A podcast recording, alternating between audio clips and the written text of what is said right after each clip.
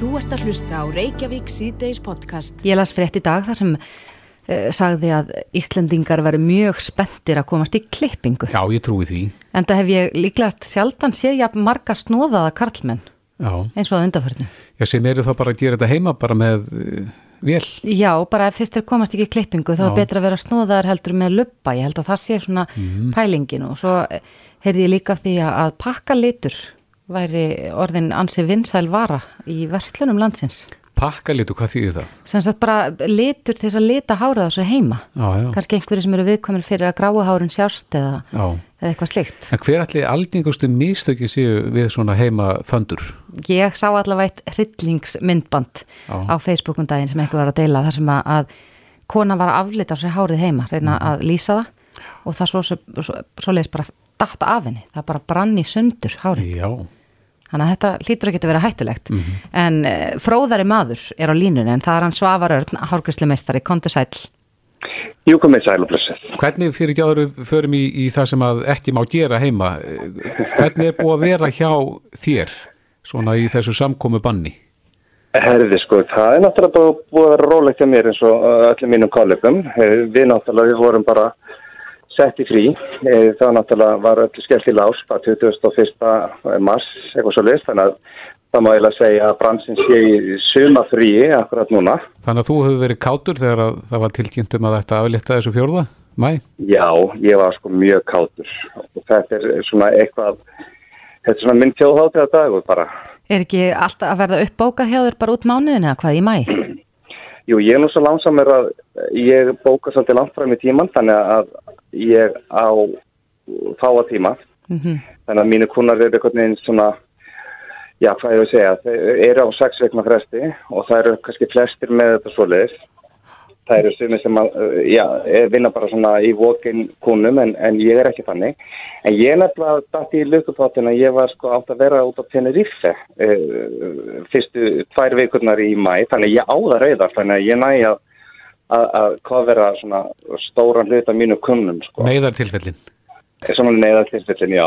En, en leistu það, ég heyrði aðeins formálan hjá okkur á hann að, að það er náttúrulega sumir sem snóða þessi heima og það er bara flott eða með höfulag og allt það í, í það. En svo finnst mér nokkru rosalega flottur og ég verða að sko tala um Haldur Benjamin. Hafið þið séð hvernig hann lítur út núna? Nei. Nei. Nei, hann er nefnilega komið svona til luppa með þetta flotta hár. Ég, ég vil hvetja hann til þess að vera aðeins síðari, bara láta þetta vera. Já, Svo finnst, svo finnst mér líka svo flott að vera með smá lupa og sína samstöðu, svona samstöðulupa. svona samstöðulupa. Já. En, en Svavar hvað, hvað segir þú við þá sem eru að, að lita á sér hárið sjálfur heima með, með svona lit keftum út í búð eða apoteki? Sko ég náttúrulega uh, get ekki mælt með því. Ég náttúrulega uh, fór í nám í fjögur ár til þess að læra þetta. Þannig að þetta er náttúrulega er eitthvað, eitthvað aðna bakvið. Við vorum ekki bara að, að hérna, já, leika okkur all, allan þann tíma. Þannig að veist, ég segi það er ekki, ekki, ekki vænlegt til árangus. Ég hef mjög oft þurft að vera að eða löngum tíma í að að laga litanir sem hafa verið gerðar heima en þarna og sérstaklega eins og við tölum með hérna áðan einhver aflitin og eitthvað svona það þetta er bara stórhættulegt, ég mæla alls ekki með þessu en svo hef ég líka séð mjög flotta svona heimalitinni, ég skal alveg viðkenna það líka Mm. Hver eru helstu mistökin og, og hvernig á að gera þetta rétt? sko helsti mistökin er það að, að þú veist, þú, þú þarfst að vita, ertu með gráft í grunninn, hvernig er grunninn svo þetta bara að setja litin á að helsti, helsti mistökin er að gera þú of döft það er veist, miklu erfiðar að laga það Ég hef nú heyrt að því að, að einhverju kollegar þínir í þessum bransa hafi einfallega sagt að þau taki ekki við kunnum eftir samkomban sem hafa verið að já, spreita sig á litnum heima fyrir. Gengur þú svo langt? Nei, ég gerir það ekki. En þú veist, ég skil alveg fólk sem er kannski með gráa rót og svona, þú veist, en mér, sko, prjóta persónulega, þá held ég að þetta kannski aðeins róar okkur, þetta dæmi, þú veist, það er allt í lagi að vera með smá rót. Ég held að þessi engin að pæla í því eins og staðin í þetta, þú veist, þó þessi eitthvað svona smá rót, það bara, þú veist, það, það, það horfa allir fram hjá því. Og svo til svo mikið alls konar skemmtilegu dóti, alls konar spray, svo þú getur sprayað í rótina, reddaði svona eins og leip og lemsprayið, þarna dökka, Þú farið inn á B-Pro og kipt það bara á netinu og, og þú veist að svo eru margar hálfkustistofur með opið bara svona fyrir vörusölu. Þannig að það er til svo ímislegt sem hægt er að, að leika sér með annars að þurfi reynilega að fara í eitthvað aðgerðir. Er ekki líka allir í sömu stöðunni, allir sem eru já, ekki að ná að lita sér hárið þannig að það eru fleiri neitt með, með smá rót? Já, mér finnst það, mér finnst það þetta, og þetta, þetta bara böggar mig ekki. Mér finnst, finnst bara flott að sjá þú veist, fólk sem er með næstu svona smá lupa og mér finnst líka flott að sjá okkur og hverja sem hafa snóða sig. Rætta sér bara þess þetta er bara veist, ástand og þetta er bara, þú veist, mér finnst þetta bara það er eitthvað, eitthvað smart sem kemur út úr þessu. Er að myndast eitthvað ný tíska? Ég, ég er bara versta því fyrir mig svolítið. Það, erum við ekki bara verða aðeins afslappaðri og, og aðeins að slaka hérkomanum Já, það geti komið út úr þessu. Það geti gert það. En það, það, það, sko, ég tala um hérkomar, það er þá skiljið bara að fólk vilja alltaf vera fínt og vel til haft. Mm -hmm. Ég er ekki að tala, tala það niður, en aftur á móti það er kannski að fara ekki alveg á taugum þó að það þurfa að býða í hverju ykkur. Já, en Svavar, þú og Eva Löfi eru nú með þennan frábæra þátt á, á bylgin og lögutum bakarið. Hann verður með breyttu sniði núna um helgina, ekki satt? Já, eitthvað að segja mig það að, að, að við verðum í mynd núna. Ég, ég er ekki alveg komin að náðum vel inn í þetta en, en, en hún Eva Löfi, hún hefur verið til dæmis að baka fyrir með alls konar eitthvað rosalega fínt. Ég, ég held ég sé hefnast út af smæri í í hérna heimi. Er það að baka mikið fyrir Kristoffer Nei það hef ég aldrei gert. Og ég held að hann vilji það ekki. Já, já. þá, þá, þá allavega þetta að sjá gúmunaði sem við kemum með. Þannig að þetta er ekki pressa á efu kannski, kannski þarf ég að koma með eitthvað fyrir hann öðru hvori Já, fáum við kannski að sjá gráa rót þá? Já, ég er, sko, hún er ekki, ekki með grátt, ég er bara orðið gráfæður, ég er ekki, lítið ekki á mér hann, sko. Nei, já, Svavar Örn, við hérna horfum á hlustum á lögadagsmorgun, en kæra þakki fyrir þessi ráð. Já, takk og gaman að heyri ykkur. Sömulegis, bless, bless. Bless. Þú ert að hlusta á Reykjavík C-Days podcast. CNN skrifar eh, ansi magnaða grein, eh, þar sem að nokkur ríki sem að hafa verið til fyrirmyndar í þessum faraldri eru tekinn fyrir og og svona svolítið máli rækið hvað hefur verið gert rétt í þessum löndum. Mm -hmm. Ísland er eitt af þessum löndum á samt uh, Suðukóri og Tævan, minni mig. En eitt af því sem er talið upp í þessari löngu upptalningu á því sem rétt hefur verið gert hér er uh, samstarf enga aðeila á ríkisins þegar það kemur á því að, að greina og, og sinna vísendastarfi. Mm -hmm. Það hefur Decode komið mjög stertinn. Já, auðvitað sjáum við það að innkoma íslenskra erðagreiningar í, í þessa skimanir hefur, þetta hefur skilað gríðarlegu. Já, akkurat. En e, á sama tíma e, og þetta rýður yfir, þá lengjast bygglistar. Og það hefur nú lengi verið rýðist yfir því hvort að það er að kalla til engaðilega til þess að, að ráðast á bygglistana sem að hafa myndast hér við liðstifti aðgerðir og annað slíkt. Mm -hmm. Fólk hefur verið sendt til svíþjóðar í aðgerðir en það verður vantilega ekki þá í kortónum í þennist ekki til að byrja með. Ekki á meðan að það er ferðabann og annað slíkt. Nei. Helga Vala Helgadóttir er formaður velferðanemdar alþingis. Komdu sæl. Sælverði. Já, hvað segir þú? Hvað, hvað býður okkar þegar að þessum faraldri hefur verið hérna útrýmt? Já, þetta er nú svolítið stóð spurning. Hvað býður okkar? Já. Uh, ég hérna verið að taka undir það. Það hefur verið aðdánavert að fylgjast með því sem að, að, að díkót er að gera mm -hmm. þeirra vísenda fólki og, og það eru þetta frábært að þau skildu stíga fram eða kári skildu stíga fram og bjóða fram þjónustu þess fyrirtækis. Að þau eru ekki bara að, að hjálpa okkur að greina heldur eru líka að rannsaka mm -hmm. veiruna og, og, og hvað veldur og hvað nú kemur og allt það. Þannig að þetta eru þetta mikil vísenda bakvið hvað býður okkar þegar hérna, þetta er svo allt búið? Það, það veit enginn og það er meðal annars uh, það er spurningar sem við viljum gerðan fá að spyrja ráð þeirra niður á þingi en það gengur erfilega að fá, fá tækifært til þess. Já, við vitum það allavega að bygglistarnir verða langdýr og það verða langdýr bygglistar í ímiskonar aðgerðir Já. sem að býða. Já, og, og, og það er ekki bara hjá enga aðilum, það er líka e, e, hjá hennu ofinbæra heilbriðiskerfi. Já. Við verðum að, að fá svör frá ríkistjórninni uh, við því hvernig þetta verður allt saman fjármagnað. Uh, fyrir mér þá uh, er ég auðvitað eins og meginn þorrið þjóðarnar mjög fylgjandi því að við séum með upplugt ofinbært heilbriðskerfi og það hefur nú kannski samnað sig heldur betur núna hvað það skiptir miklu máli.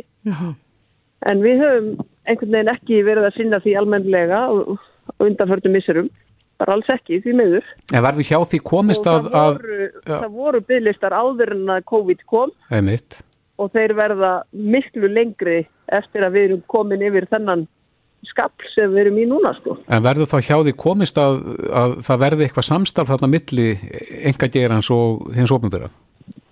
Já sko það eru þetta samstarf, það er ekki hægt að segja að það sé ekkert samstarf. Ég meina að það eru enga aðila sem eru að re- reka hérna hjúgrunarheimili.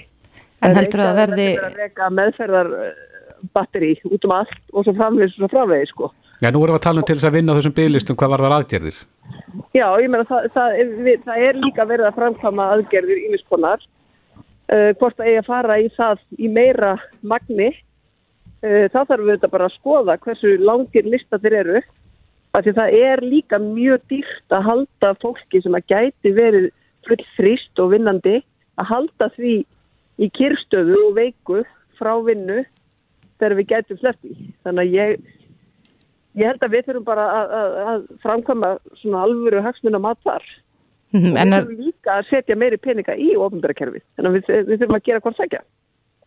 já, en, en, en te- telur þú að er þið físilegur kostur að nýta þá þjónustur sem hægt er að framkoma hérna eh, hér á landi í stað þess að flytja sjúklinga eh, til dæmis til svíþjóður eins og gert hefur verið í þessum liðaskipta aðgerðum? Já, já, ég, þó að ég hérna tali svona mikið um því ofnbærakerfi, þá finnst mér nú gáfulegra að við horfum aðeins á hvað hlutinir kosta og að við, við hérna séum ekki að fórna krónunni fyrir, fyrir aurin þegar það kemur að þessu út af einhverju þykju. Ég meina við eigum bara að horfa á hvað, hvað fáum við mest og best fyrir peningin og þá, þá skiptir líka máli að vera ekki að, að valda sjúklingum einhvern veginn og miklu tjóni. Mm Eru þið að reyna að fá svör um þessi mál og hvað tekur við? Já, við erum að reyna að fá að halda fundi í þingsal til þess að fá að spyrja ráðferðarna okkar út því miður þá gekk það ekkert sérstaklega vel í morgun eins og frettir hafa borist um þegar, þegar fórsetið þingsins leit skyndilega fundi í einhverju, einhverju bræði. Voru ekki orðin á mörg? Já, þið sko, málum var að hann setti á dagskrá uh, fundarins mál sem er í byllandi ágreiningi innan allra stjórnmála flokka Mm -hmm. er varðar veðgjöld og hann vissi alveg í gær að það væri ekkert samkómalega um að það mál væri á dagskrá og ég skil ekki alveg af hverju hann gerir þetta ég velti fyrir mig hvort það hafi verið til þess að ráðferðarnir þurfti ekki að svara spurningum sko.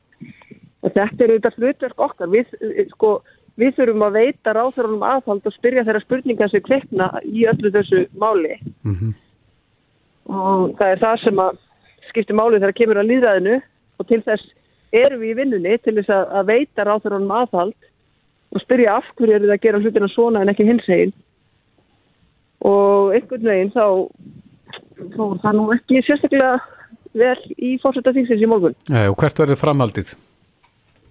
Ég, ég veit ekki alveg það var uh, hérna fundur þingflósforman áðan og ég vona að við fáum aftur tækifæri til þess að spyrja ráðherrna. Ég meina það er allavega nokkra spurningar sem brenna á mér varðandi framhaldið og ekki síst er varðar heilbyrðiskerfið. Því að það eru þetta heilbyrðistofnanir út um all land sem, að, sem að eru í vanda voru í vanda. Við vorum að fjalla um það í upphafi ársins.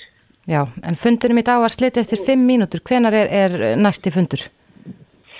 Uh, ég bara satt að segja veit það ekki. Uh, hann talaði um það að mögulega reyna að koma einhverjum fundi á morgun en annars eftir helgi Já. til þess að leifa ríkistjóðan að kynna sinn næsta pakka. Mm Uh, það eru þetta mjög mikilvægt en hitt er ekki síður mikilvægt að ráðferða síðu spurðir af því að þeir eru ekkit undilega spurðir á, á, á blaðmannafundunum sínum eða, eða í svona viðtalið þar sem að ráðferðin er bara einn og, Mm og fjölmjöla fólkið á móti sko. Þannig að þetta er svona þetta er samt við erum í svo, svo, svo, svo limbóið þarna sko. Já, Heru, við fylgjum grann með þessu. Við eigum ekki bara að vera, vera hérna í einhverju svona afgreðslu, við eigum líka að, að, að- að reyna að bæta mál sem að koma ófullbúin inn í þingið og, og spyrja spurninga.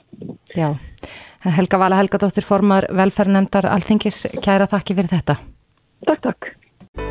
Þetta er Reykjavík C-Days podcast. Já, já, nú fer að stýttast í fórsetakostningar og uh, forleikurinn hafinn og á þessum COVID-tímum að þá þarf að breyta þess aðferðum mm -hmm. eins og til dæmis við söpnun undirskrifta eða meðmæla. Já, nú er það uh, búið að heimila að það sé gert rafrænt. Já, ég mitt og nú, ég veit ekki hvort þessi búið að finna sko aðferðina við það. En uh, menn eru líka farnir að velta því fyrir sig hvað gerist ef við verðum í slæmiri stöðu hérna þegar að kostningarna sjálfa verða. Mm -hmm. það er verða í lók júni uh, og er hægt að kjósa rafrænt í fórseta kostningum Já, mun það einhver tíma verða hægt? Já, það er spurning Áslögarna Sigurbjörnstóttir, dómsmálaráþara er á línni, kom til sæl Sælverði Er þessi umræða komin að stað í þínu ráðuniti? Ég hef auðvitað bilaði til okkar teimis að skoða hvernig við framkvæmum nei, fórsetakostningar mm -hmm. og það eru auðvitað margar leiðir til þess að gæta við fylgjum öllum þeim takmórkunum sem er því gildi. Við bindum auðvitað mikla vonið við það og það verði búið að aflétta mikið af takmórkunum en það ætti ekki að vera mikið vandamál að gæta tveggja metra reglu og hafa innan við hundra manns til dæmis mm á mhm. sama svæði og það var hægt að fjölga kjörstöðum, býðið fólk að koma með skriffæri sjálf. Það er auðvitað svona ímið þattrið sem þarf að huga af og mm það er verið að vinna við það ef það kemur gilt frambóða móti nú er þetta fórsýta. En hvað með, en hvað með rafrænar kostningar? Er það eitthvað sem þú sér fyrir að gæti gengið eða muni vera lagt til á einhverju tímpunkti? Nei, ekki svo stöttu. Það er ekki neyn öðru gleið en til að kjósa og með rafrænum hætti af því að það eru þetta engin öruglega til að endur tælja ef eitthvað fyrir úrskiðis en... og það eru þetta hægt að nýta slíka í minni kostningar, hvort sem það er í húsfélög eða hérna ímis svona minni atriði kannski sem skipta ekki svona miklu máli eins og kjósa okkar hægsta ráðumann. Nei, en hvað með rafræn skilríti, eru þau ekki næg? Það það er undirskrift en það er ekki e, þetta er auðvitað alltaf að vera örugara og örugara en e, það er ekki kostningaformið og það er við höfum séð það að það eru bara mjög fá tölvukerfi fullkominn og við viljum ekki að kostningar e, til fórsetta getur verið dregnar í efa Nei. En e, er, er ekkert farið að glitta í nógu trösta tækni til þess að, að það sé hægt að kjósa rafrænt, eitthvað finnst manni svona tímin vera þannig ef við ættum að vera komin svona aðeins lengra í þá átt? Það verður tímin að leiði í ljós. Við hefum ekki séð það í Lundunum í kringum okkur. Með þessi bandarækjum núna verður að ræða kjósa með brevkostningum. Þannig að hérna þetta eru þetta, en það verður auðvitað að vera algjör engin vaf á því að hægt sé að tryggja niðurstöðuna og hérna endur telja og að það sé ítvægt að þau eru ekki styggt í svona kostningum. Mm. Já, allir maður að bera þetta undir því að því að það er náttúrulega farið að ræða þetta. Það fer að stittast ístíkilega í kostningar. Eru, ég veit að það er margir sem átt að sitja á því að það einfallega séu kostningar eh, núna í júni. Emmitt, það verður spennand að sjá. Við erum nú búin að breyta því að safnum með maður geti farið fram með rafrænum hætti og ég er að finna leið til að framkoma slíkt og svo ef við sjáum frambjóðanda sem með slíkum meðmælum þá kósum við í lókjúni með einhverjum hætti mm -hmm. með að við stöðuna. En það líkur ekki fyrir hvernig verður þessum? Undirskriftin, það er líklegt með uh, hérna, með ráðanum skiljum það eru svona fyrir undirskriftir sem við með að við Já. ég er að undirbúa stíka reglíkjars hvernig mm -hmm. við fannum komast En nú, við heyrðum aðeins hérna í hlustendum okkar í gær þar sem var að vera að tala um að, að mögulega væru lögin orðin úrelt að því leiti að þetta væri svo fáar undirskriftir sem að, að eh, krafist væri, eða sérst í rauninu fá meðmæli, hefur eitthvað verið rætt um að, um að breyta því? Fjölga? Já, það eru þetta eh, umræði sem þarf að taka um kostningalögin í heilsinni og svo vinna hefur verið í gangi og það eru þetta eitt af því sem þarf kannski að uppfara uppfæra og við erum að miða við gamla fjórnunga hvernig landinu var skipt og ímislegt. Mm. Það næst ekki fyrir þessa kostningar? Nei og það þarf auðvitað líka betur allt yfir slíkum breytingum og taka meiri tíma heldur en að breyta einhverju svona minni atrið eins og þessu. Já, og kannski rétt aðeins í lokin áslöðarna að því verið með á línunni rafræn aukustýrtinni var talað um að var, þau var á leiðinni, hvernig standa, standur það mál? Svo vinnaði bara í fullum gangi og það var alltaf planið að það væri komið upphafi sumast og við mhm. stefnum enna því og þetta hef ég lagt mikla áherslu á hérna ímsa rafræna þjónustu að auka hana og við erum að sjá mikla framfærir í þeim öfnum og þegar eru komið líka tíu eðublaða en á Íslandfóturis eru síslimenn og fjölskyldum árum og það er bara aukast með hverjum degin Já, upp af sömas, er það sömadagurinn fyrsti? Nei, ekki segja það í júni það er í byrjun júni Í byrjun júni, já, en, en, en þýðir það þá að við munum geta sínt þessi rafrænu skilriki okkar rafrænt aukurskýrtinni á kjörstað til þess að uh, já, staðfesta hver maður er?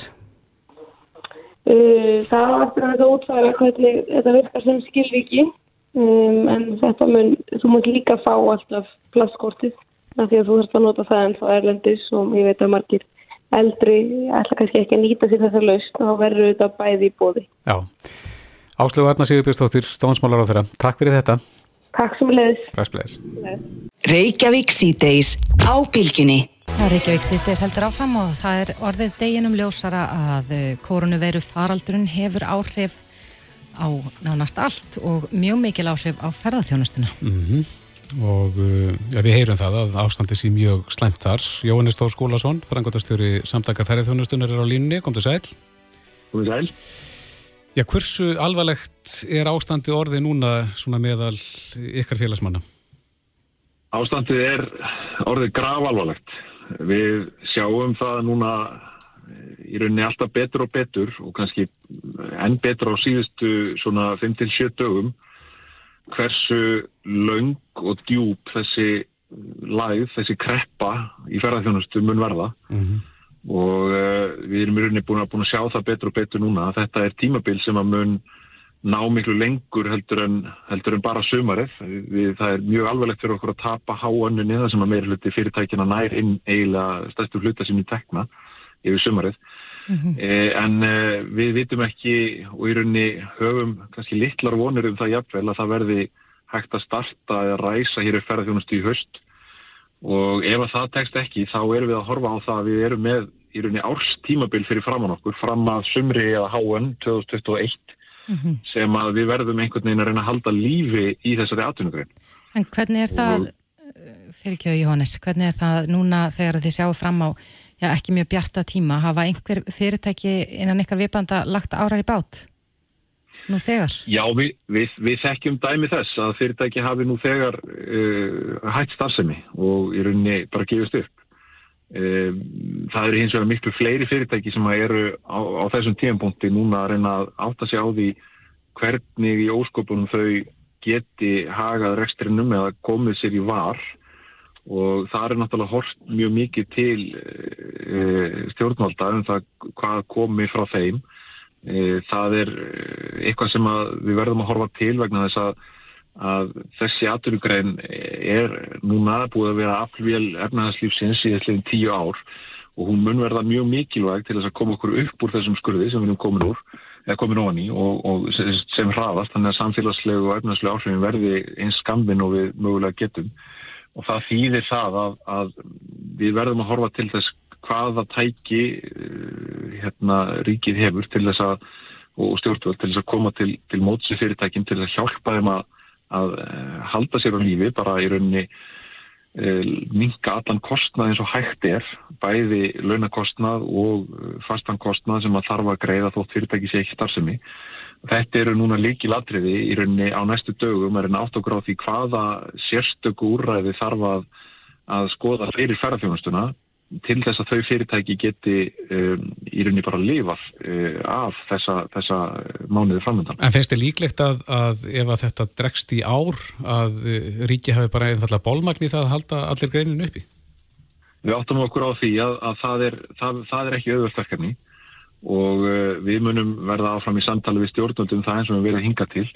Uh, ég held að við verðum að horfa til þess hvað er raunhæft í því samtali og, og það er eins og þú segir, það er, væri mjög erfitt fyrir, fyrir stjórnvöld að, að ef við notum það orðasamband að halda upp í öllum fyrirtækjum við ferðarþjónustu í, í heilt ár. En, en það er hins vegar staðan sem við sjáum fram á er það án í rauninni sértækra aðgerða fyrir eh, ferðarþjónustu fyrirtæki sem er í rauninni eina atvinnugrunni sem er að missa 100% eða upp að 100% tekjum um fjöldamánaða skeið að minnstakosti eh, langt fram á haust, skulum segja að þá og, og, og jáver lengur að þá mun verða mjög alvarlegt skarð og mun alvarlega skarð held ég heldur nefnaðarslífið á Íslandi þólir e, í þessari atvinnugrein og það þýðir það við munum verða mun lengur að koma okkur upp vegna þess að það sem að ferðarþjónustan í rauninni gerir og ástæðan fyrir því að þetta eru þjóðaslega mikilvæg atvinnugrein er það að hún framleiði gjalderi fyrir þjóðabúið, hún skilar, hefur skilað um 500 miljórum gjalderistækjur undanfærin ár, hún hefur verið að skila um 60-65 miljardum í hreinar skatteikjur inn til, inn til uh, ríkis og sveitafélag þannig að þetta er mjög samfélagslega mikilvæg atvinnigrein mm -hmm. Og það skiptir okkur mjög miklu máli þegar að uh, samfélagsáhrifin af svona greppu eru mjög mikil að, að við náum að vinna á móti þeim eins hratt og við getum þegar að þessu ástandi linnir og þar er uh, útlýtingsgreinin ferðarþjónusta alg, í algjör líkilaðili en svo við séum eins og eftir eiginfællavíkus skósið hversu kvik hún getur verið að, að komast eh, af stað og, og vinna okkur mjög í hægin. Já, en Jóhannes, núna hefur það synt sér síðustu ára að uh, Ísland sem já, ferðamannastæður að vetri til er alltaf að vera físilegri kostur og margir sem koma hingað að vetri einnig. Er ekki hægt að, að fara í áttak og, og kynna Ísland út á við sem, sem góðan kost á öðrum árstímum heldur en háanatímum? Jú, vissulega er það hægt og, og við verðum að horfa til þess að, undirbúa okkar kynningastar vel og það er verið að, verið að gera það. Eh, ég held að, að vetraferðarnænskar muni alltaf aukast í, í heiminum en, en við höfum hins vegar verið að horfa fram á það að verið að vinna, vinna í þessu undarferðin ár og ná nokkrum árangri. En við vitum það hins vegar bara af reynslunni í þessari atvinnugrein, bæði frá Íslandi og frá öðrum uh, löndum, bæði nágrannaríkjum okkar og jáfnveg allt til Nýja Sjáland sem er mjög líkt okkur að, að, að, í, í ferðarþjónustu, að það tekur mjög langan tíma að vinna slíkverkarni og það er ekki eitthvað sem verður gert bara á nokkrum vikum eða mánuðum þegar, þegar svona stendur á. Mm -hmm. En Íslendingar hefur verið kvartir til þess að ferðast innanlands í sumar og uh, munum vantilega gera það. Það verða vantilega einhverjar hömlur á ferðalögum úr landi og inn í landið. E, geta Íslendingar eitthvað brúað bil þarna með sínum ferðalögum? Auðvitað geta Íslandingar brúað eitthvað bil, sérstaklega fyrir einhver fyrirtæki, en, en hins vegar ef við horfum á markaðin í hilsinni, megin þorra ferðarfjónustu markaðarins, þá eru við einfallega lítið samfélag og við erum fá. Og uh, það þýðir það að innanlandsmarkaðurinn á Íslandi hann er svona í samanbyrði innanlandsmarkaði í, í nágrannaríkjum okkar miklu miklu minni. Eh, hann getur að sjálfsögðu tekið eitthvað við sér en raunveruleiki til dæmis hótels sem að lítis hótels sem að er að e, vil taka vera í, í gangi í sumar e, raunveruleikin er einfallega að sá að það þarf að, að ná upp svona 50-60% e, nýtingu til þess að það svari almennilega kostnaði að, að, hérna, að halda e, fyrirtekinu gangandi mm -hmm. e, vegna þess að kostnaðurinn við að greiða þeim starfsmennum laun sem að þarf að vera með í vinnu ef fyrirtækja áveri í, í, í gangi, hann er einfallega það mikil. Þannig að, að jú, vissulega viljum við leggja miklu áherslu á það að, að Íslandingar geta gert og lagt margt gott af mörgum og, og, og hvetjum til þess að fólk kaupi eh, innlendar vörur og, og vesli við innlendar þjónustu, bæði ferðarþjónustu og annað. En það menn ekki tíð að bjóða Íslandingum að kaupa súbuskala á 3900 krónur eða tæpa 4000 krónur sem að hefur verið kvartað yfir eh, hjá af Íslandingu sem hafa verið á ferðum landið? Já, en ég held að það, eh, sko, þetta er nú reyndar alltaf svolítið ekstrím dæmi sem eru tekin, sko, og ef að fólk skoðar til dæmis verðlægið á ferðarþjónustu almennt eh, eins og það er í dag og maður búast við að verði í, í sömar, þá held ég að menn komist nú að því að, að hérna, það er nú ekki, ef skelvilegt á stundum er, er dreyið upp í svona dæmum á súpuskálum og vöflum hér og þar um landið. Eh, menn verða náttúrulega líka að taka það inn í dæmið að ef að fyrirtæki eiga að vera í rekstri þá þurfa þau að hafa tekjur og mhm. einn ein ástæði fyrir því hvernig íslensk ferðarþjónust er verðlögð er vegna þess að hún er svo ástíðabundi. Þannig að fyrirtækinn þurfa að ná inn tekjunum á nokkru mánuðum en lifa af allt árið. Nú er þessu hins vegar öllu snúið á kolf. Eh, það munu engar eða litlar sem engar tekjur koma inn í mörg fyrirtæki eh, að óbreyttu og öll, allar leiðir, öll átök til þess að, til þess að fá Íslandinga til þess að, að skoða hvað er í bóði að frábæri þjónustu og, og ferðarþjónustu frambóði á Íslandi er, eru, eru góðar. En það breytir því ekki að ef að Íslands ferðarþjónusta sem heilt á að e, ná að vera til í því formin sem við viljum hafa ná til þess að veita okkur efnaðslega viðspyrnu e, að einhverju mánuðum linnum að þá þurfa að koma til mjög skýra rækjir að halva stjórnanda. Veist þú um fyrirtæki sem eru núna að vinnað undirbúningi þess að leggja sér niður eða, eða hætta starfsemi? Já, ég veit þó nokkur dæmi þess. Og e, hvað eru menn að, að hvaðar ástafanir eru menn að grípa til núna? Það er náttúrulega fyrst og fremst verið að þetta er fyrst og fremst lausa fjárvandi og greiðsluvandi uh, þar að segja það eru þegar engar tekjur koma inn í fyrirtæki þetta er bara svona eins og heimilspókaldi þegar engar tekjur koma inn þá ámaður ekki peninga til að borga reikningana. Og uh, ferðarþjónustu fyrirtæki hafa mjög háan kostnað, til dæmis er þar launakostnaður, þau eru með til dæmis stór hótel, eru með, með rammagn hitta, fjármarskostnað, fastegnarkostnað uh, veitingastæðir með leigu og ímislegt annað. Þannig að Eh, fyrirtækin eru núna að leita leiða til þess að uh, lækka þennan kostnað með öllum ráðum þannig að þau stöðu blæðinguna út úr fyrirtækinu. Vegna þess að ef það gerist ekki þá verða þau eh, sjálfkrafa gjaldróta á mjög stöttum tíma. Og þar þurfum við að horfa til bæði fyrirtækin og, og einn stjórnvöld í aðgerðum sínum gagvart aðtunlífi og ferðarþjámastu að horfa til þess að, að setja upp uh, aðgerðir eða leiðir þannig að fyrirtæki geti þá uh, losna við skuldbyrningar gagvar starfsfólki þar að segja annarkort sagt upp fólki eða eins og gert hefur verið að, að setja, setja nýta hlutabóta úrræði sem að ríkistöndin hefur sett upp. Við sjáum þetta hins vegar að, að eins og að frettum í gerðkvöldi að svo tólkun sem að, að vinnumálastofnun og, og ráðanetti hefur á, á því sem að við sálsögðu náttúrulega fylgjum eins og löglíðinu borgarar að e, hún í rauninni gerir ílt verra fyrir ferðarþjónustu fyrirtæki mörg hver vegna þess að ferðarþjónustu fyrirtæki sem að ætlar að segja fólki e, í lok þessa tímabils e, sem að þessi, þetta úræði gildir það þau munu bara held ég almennt ekki eiga fyrir því að borga fullan uppsagnarfrest starfsmannsina. Þetta er bara raunveruleg vandamál sem við erum að glíma við í lausafjárskorti eins og hann er núna og, og þetta er meðal þess að það þarf að taka uh, mjög fast á. Já. Jóhannes Þór Skúlason, frangútastjóri samtaka ferðarþjónustunar. Takk fyrir þetta. Takk. Reykjavík síðdeis á Bilginni podcast. Jæja, uh, það er einhver ferðamenn að koma til landsins og uh, það er náttúrulega blóðugt fyrir þjóðabúið og, og ferðarþjónustuna. Mm -hmm.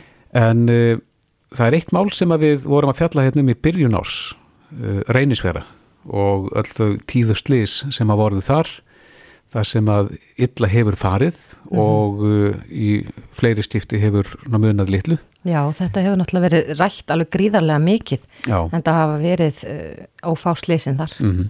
og það hefur verið kallað eftir aðtýrum og við heyrðum hérna í, eins og ég segi upp af árs í lauruglumanni sem að var að vinna í þessum, hann er verkefnistjóri í Almannavarna á lauruglunni á, á Suðurlandi e, um reynisfjöru og þá var verið að vinna áhættumat fyrir svæðið. Mm -hmm. en það er spurning svona í þessu ástandi sem nú er það sem að ferðamenn er ekki að koma til hans hvort að það gefist núna tóm til þess að klára málið. Á línunni er Björn Íki Jónsson verkefnistjóri Almannavarna.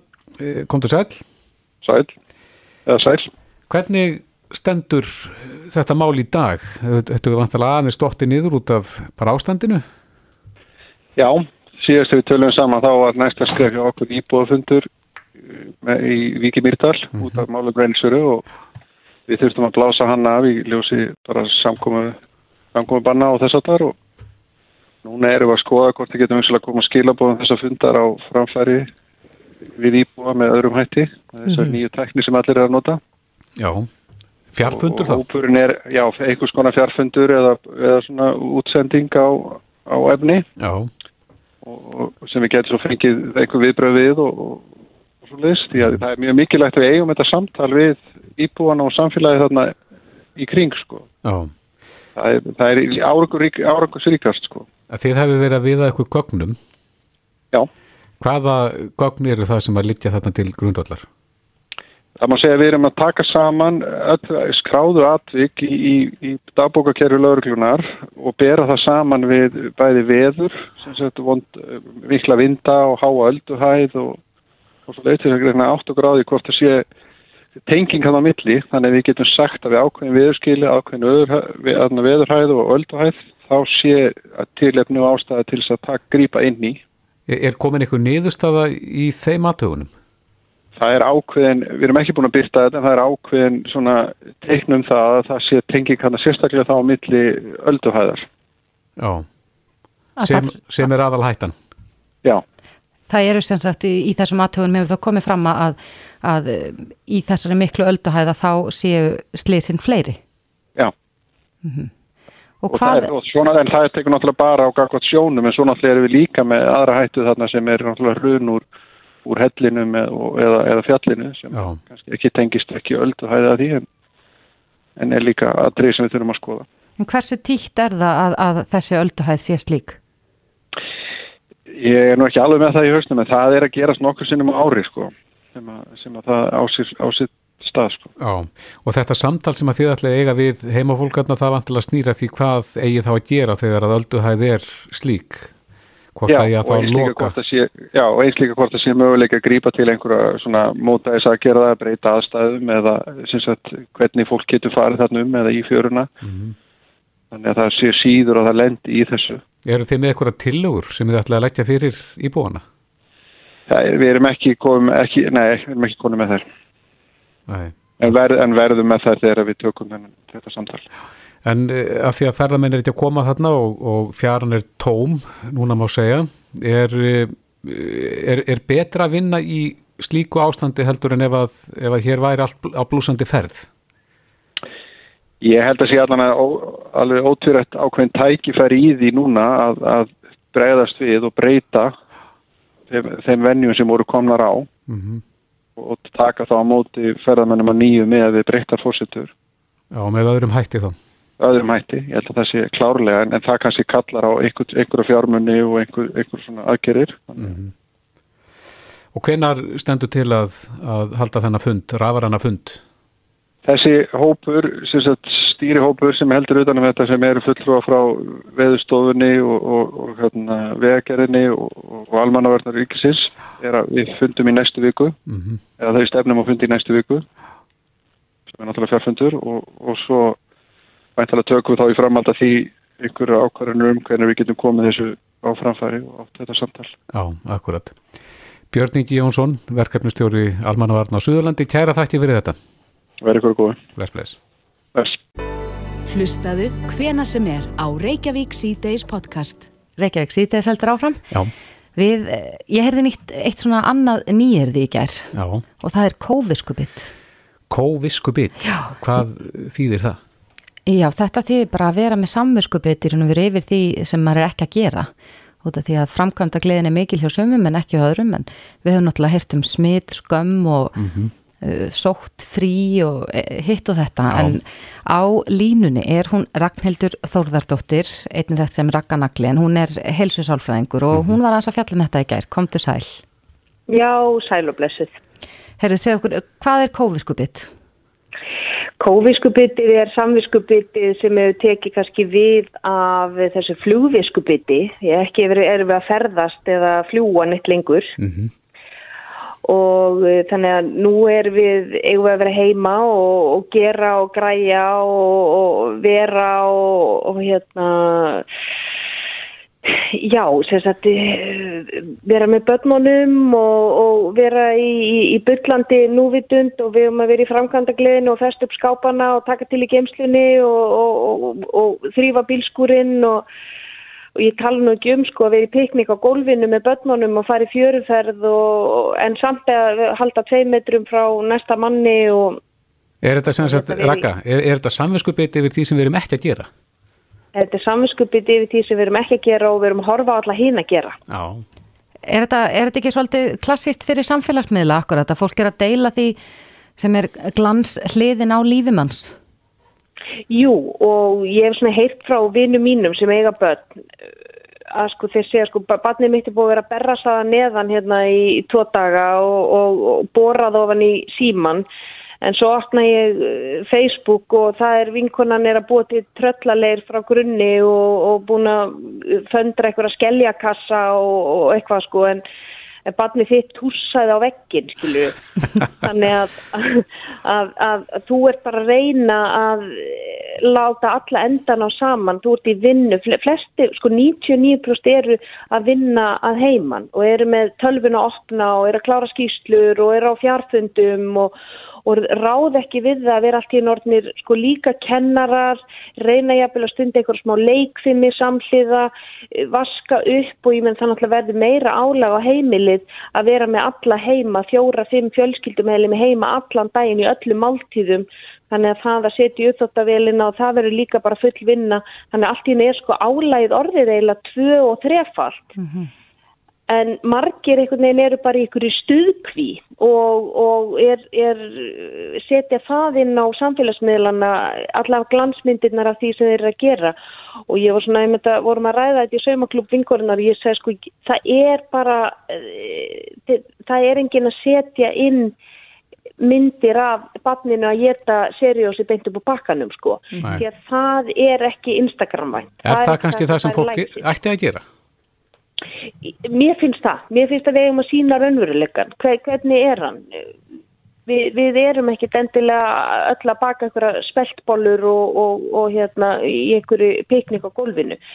Þannig að, að 99% fólks er í rauninni að reyna bara að, að lifa daginn af sko og, og ég er svona að sagði sko í gríni hashtag allt í þrótti það er, er svolítið það sem er, er, er raunveruleikin hjá, hjá mörgum í dag því miður, því að álægið er orðið miklu miklu meira heldur en þegar þú ferð út og þú ert í vinnunni og, og svo kemur þú bara heim og þú sækir batnið, það er einhver annar sem hugsaður um batnið þetta alltaf daginn og, og fólki farið náttúrulega að kunna meta miklu meira og betur störf kennara, störf hjúgrunafræðinga, störf ídróttakennara, störf þjálfara eftir að hafa þurft að vera með börnin sín heima allan daginn, alla vikuna. Mm -hmm. En með hverju mælur fyrir þá? Þetta getur auðvitað verið kvíðavaldandi fyrir suma að, að finnast eins og þeir ætti að vera að gera eitthvað sem aðrir er að gera.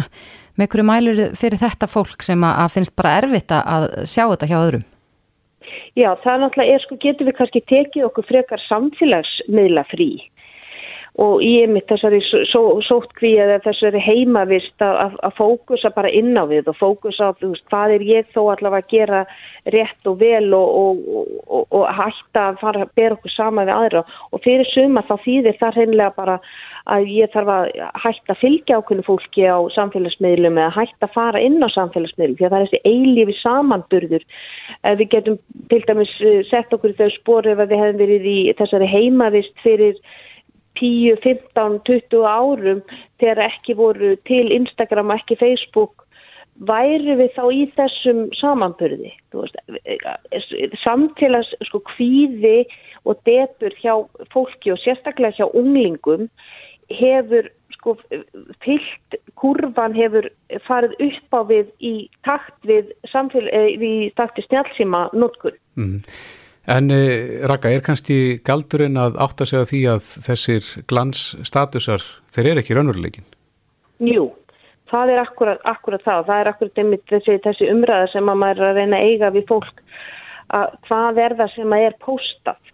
Sko það póstar engin mynd af sér ný vöknuð. Það er myndirnar eru af þér uppstríluðum make-up spastlað í alla rukkur og, og, og ondulerað hárið og hárspreið og allt á sínu stað. Búið að taka jafnvel 50 sjálfsmyndir.